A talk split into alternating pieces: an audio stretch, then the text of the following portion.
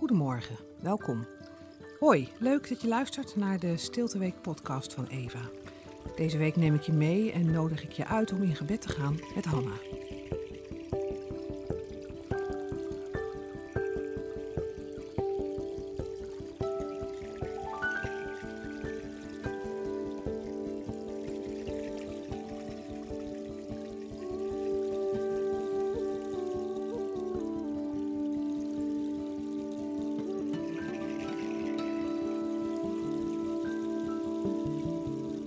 Dinsdag, dag 3. Uitstorten, overgave. Steek een mooie kaars aan. Lees 1 Samuel 1 vers 1 tot en met 2 vers 11. De gelofte van Hanna en de geboorte van Samuel.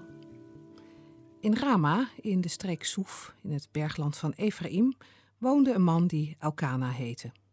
Hij was een zoon van Jerogam, die een zoon was van Elihu, de zoon van Togu, de zoon van Suf, en behoorde tot de stam Ephraim. Hij had twee vrouwen. De ene heette Hanna en de andere Penina. Penina had kinderen, maar Hanna niet. Elk jaar ging deze man vanuit zijn woonplaats naar Silo om daar de Heer van de hemelse machten te vereren en hem offers te brengen. Gofni en Pinegas, de twee zonen van Eli, waren daar priesters van de Heer. Wanneer Elkana zijn jaarlijkse offer bracht, gaf hij zijn vrouw Penina en haar zonen en dochters een stuk van het offervlees. Maar het mooiste stuk gaf hij aan Hanna, want haar had hij lief, ook al hield de Heer haar moederschoot gesloten. Haar rivalen kwetsten haar dan diep door haar te sarren, omdat de Heer haar geen kinderen gaf. Zo ging het jaar in, jaar uit. Elke keer als ze naar het heiligdom van de Heer gingen, treiterde Penina Hanna zo erg dat ze begon te huilen en haar eten liet staan. Toen dat weer eens gebeurde, vroeg Elkana: Waarom huil je, Hanna? Waarom eet je niet en waarom ben je zo bedroefd? Beteken ik niet meer voor je dan tien zonen? Na de maaltijd stond Hanna op en ging naar het heiligdom van de Heer, waar de priester Eli op een bankje bij de ingang zat. Diep bedroefd bad Hanna tot de Heer. In tranen legde ze een gelofte af. Heer van de hemelse macht, ik smeek u, heb toch oog voor mijn ellende. Denk aan mij, uw dienares. Vergeet mij niet. Schenk mij een zoon, dan schenk ik hem voor zijn hele leven aan u. Nooit zal zijn haar worden afgeschoren. Terwijl Hanna zo bad, keek Eli opmerkzaam naar haar mond. Ze bad namelijk in stilte. Haar lippen bewogen wel, maar haar stem was niet te horen. En daarom dacht Eli dat ze dronken was. Hij sprak haar aan en vroeg: Gaat dit nog lang zo duren? Als u dronken bent, ga dan uw roes uitslapen. U vergist u, heer, antwoordde Hanna. Ik heb geen wijn of andere drank gedronken. Nee, ik ga gebukt onder een zwaar verdriet en stort mijn hart uit bij de Heer. Denk niet dat ik een slechte vrouw ben. Ik bid zo lang omdat ik oversteld ben door droefheid en ellende. Ga dan in vrede, antwoordde Eli. De God van Israël zal u geven waar u om hebt gevraagd. Ik dank u voor uw vriendelijkheid, zei Hanna, en ze ging terug naar haar familie.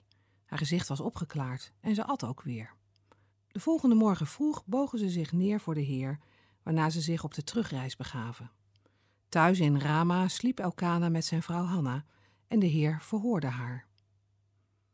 Hanna werd zwanger en na verloop van tijd baarde ze een zoon. Ze noemde hem Samuel, want, verklaarde ze, ik heb hem aan de Heer gevraagd. Toen Elkana het jaar daarop weer met zijn familie op weg ging om de Heer zijn jaarlijkse offer te brengen, wilde hij de gelofte inlossen. Maar Hanna ging niet mee. Ze zei tegen haar man: Pas als het kind van de borst is, zal ik hem brengen. Dan zal hij voor de Heer verschijnen en daarvoor altijd blijven. Haar man Elkana antwoordde: Doe maar wat jij het beste vindt. Blijf thuis zolang je hem nog zelf voedt. Laten we hopen dat de Heer dan niet van zijn belofte terugkomt. Hanna bleef dus thuis en voedde haar zoon totdat ze hem de borst ontwend had. Zodra het zover was, nam ze hem mee naar Silo en bracht hem, zo jong als hij was, naar het heiligdom van de Heer. Ze had ook een driejarige stier bij zich, een eva meel en een zak wijn. Ze slachtte de stier en brachten de jongen naar Eli. Daar zei Hanna: Neem me niet kwalijk, heer, zo waar u leeft. Ik ben de vrouw die destijds hier bij u tot de Heer heeft gebeden. Om deze zoon heb ik gebeden, en de Heer heeft mij gegeven waar ik om heb gevraagd. Nu geef ik hem op mijn beurt aan de Heer, voor alle dagen die hem gegeven zijn. Toen knielde Eli voor de Heer. En Hanna bad: Nu juicht mijn hart dankzij de Heer. Vier heft mijn hoofd zich op, dankzij de Heer. Mijn mond spreekt vrijmoedig tegen mijn vijanden, want dankzij uw hulp beleef ik vreugde. Geen is er heilig als de Heer. Er is geen andere God dan u. Geen rots is er als onze God. Gebruik toch geen grote woorden, blaas niet zo hoog van de toren, want de Heer is een alwetende God. Door hem worden onze daden gebogen.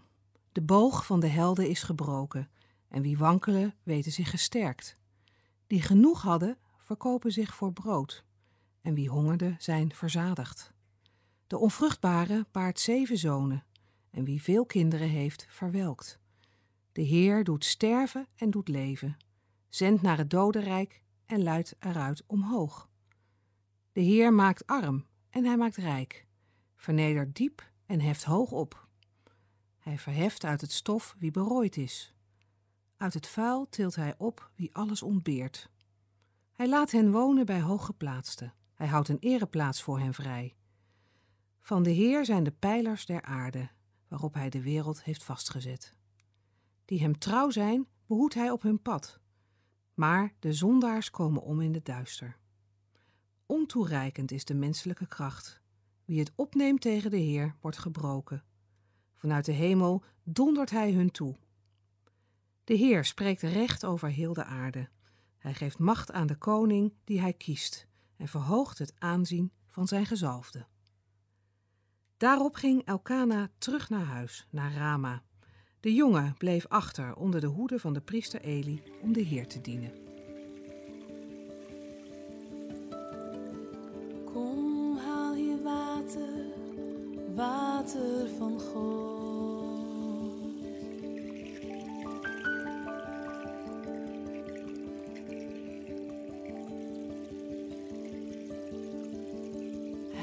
Geeft je leven, dus kom naar zijn bron.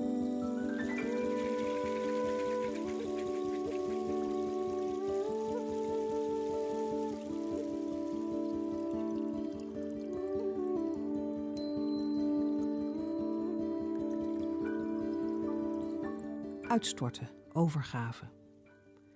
Nee, ik ga gebukt onder een zwaar verdriet en stort mijn hart uit bij de Heer. 1 Samuel 1, vers 15. Het uiten van ons hartsverlangen heeft twee aspecten. Het eerste aspect is delen. Dit hebben we gisteren bewust gedaan. Het tweede aspect is overgave en loslaten. Het vraagt dat we iemand anders durven te vertrouwen en ons hart durven uit te storten, ongeacht wat de uitkomst is. Durf jij je hart bij God uit te storten en Hem te vertrouwen? Vertrouw je God?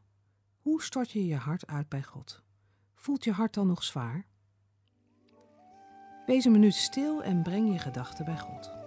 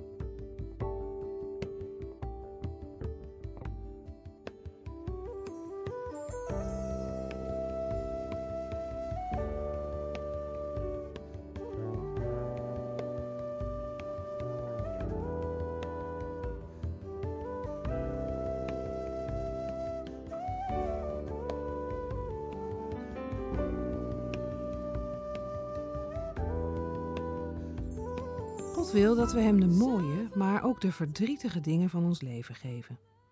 Het moeilijkste van overgeven is loslaten. Ken jij momenten waarop je jouw hart bij God uitstortte en daarna voelde dat je kon loslaten? Hanna wist dat ze haar hele hart kon uitstorten bij de ene. Wat heb je nodig om je hart bij Hem uit te storten? Zijn er momenten in je leven geweest waarop je jouw hart bij Hem uitstortte en Zijn nabijheid mocht ervaren? Heb je God daarvoor bedankt?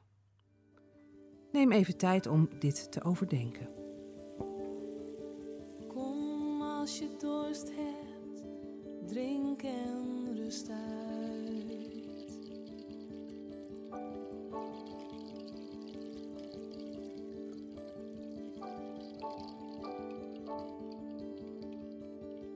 Bid hardop het volgende gebed aan de hand van Psalm 62, vers 9. Op u vertrouw ik, Vader, altijd. Ik open voor u mijn hart. U bent mijn schuilplaats.